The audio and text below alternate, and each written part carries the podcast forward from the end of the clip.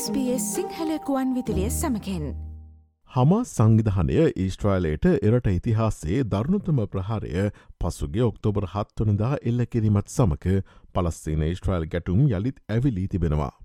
මේ හේතුවෙන්ම හමා සංවිධානය මුළුමනින්ම විනාශ කර දමන බවට ඊස්ට්‍රයිල් අගමැති බෙන්චම නිතන්යාහු ප්‍රතිඥාදී තිබෙනවා.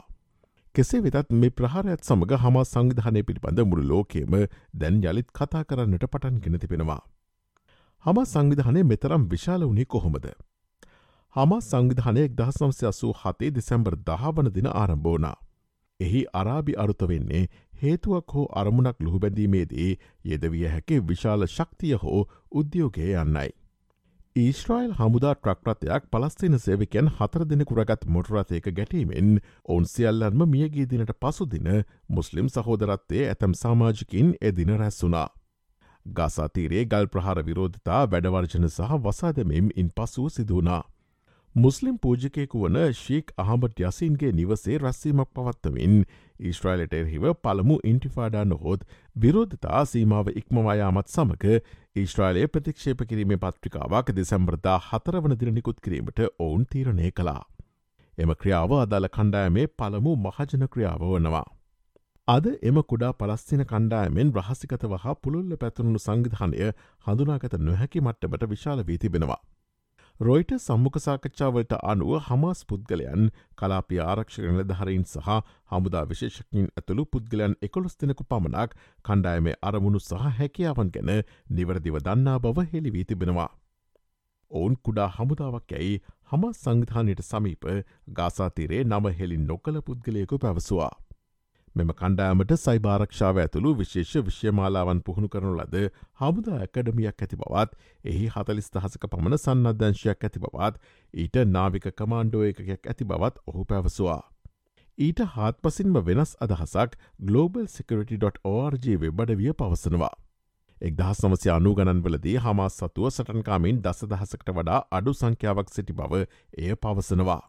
සටන්කරුවන්ට පහසුවෙන් නොපෙනයාම පිණිස සහ ආයුධකම්මල් ඇතිකිරීමට හා විදේශයන්ගෙන් ආයුධ ගෙනීමට උපකාරවීම පිණිස දෙදාහ දශකයේ මුල්භාගේ සිට මෙම කණ්ඩෑම ගාසාතීරයේ උමංචාලයක් ගොඩනක ඇති බව නම හෙළිකිරීම ප්‍රතික්ෂේප කළ කලාපිය ආරක්ෂක තොරතුරු මූලාශ්‍රයක් පැවසවා. මෙම කණ්ඩෑම බෝම්බ මෝටර් රොකට් යුද ටැන්කිනාශක සහ ගුවන්්‍යානාශක මිසයිල් රාශයක් අත්පත් කර ගැනැති බවද හමස් බලධාරයින් පවසනවා.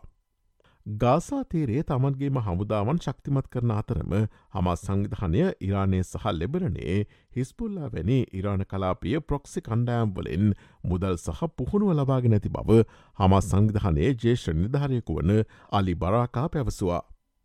ආයුධානයනය කිරීමේ දුෂ්කරතා නිසා පසුගේ වසර නවයතුට අපි අපගේ හැකියාවන් වර්ධනය කර දේශීව ආයුධ නිෂ්පාදනය කිරීමට සමත් වූවා යනුවෙන් ලෙබරනේ වෙසෙන අලි බරාකා පැවසවා. දෙදහස් අටේ ගාසා යුද්ධේදී හමාස් රොකට් ප්‍රහරවල උපරිම දුරපරාසය කිලෝමිටර හතලිහක් වූ නබුත් දෙදහස් විසියකේ ගැටුම වන විට එය කිලෝමිටර් දෙසිය තිහ දක්වා ඉහළ ගොස් ඇති බවද ඔහු පැවසවා. මොවුන්ගේ ව්‍යාප්ත වන හැකියාවන් වසර ගණනාවක් පුරා වඩවඩාත් මාරාන්තික ප්‍රතිඵල ඇති කර දෙබෙනවා. ඊස්ට්‍රයිලයට දෙදහස් අටේ ආක්‍රමණයේදී සොල්දාදුවන් නවදිනෙකු අහිමිවූ අතර දෙදහස්දා හතරේදී එම සංඛ්‍යාව හැටහය දක්වා ඉහළ ගොස් තිබෙනවා.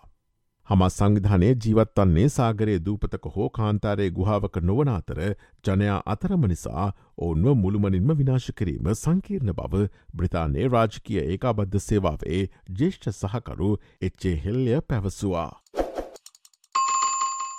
ඔස්ට්‍රලයාාව සහ ලෝකේ පිළිබඳ මෙවැනිියු නවතම තොරතුරු දැනකිරීමට www.sbs.com.tu4/ සිංහල යන අපගේ SBS සිංහල වෙබ් අඩවිය වෙත පිවිසන්න. SBS SBS SBS SBS SBS Radio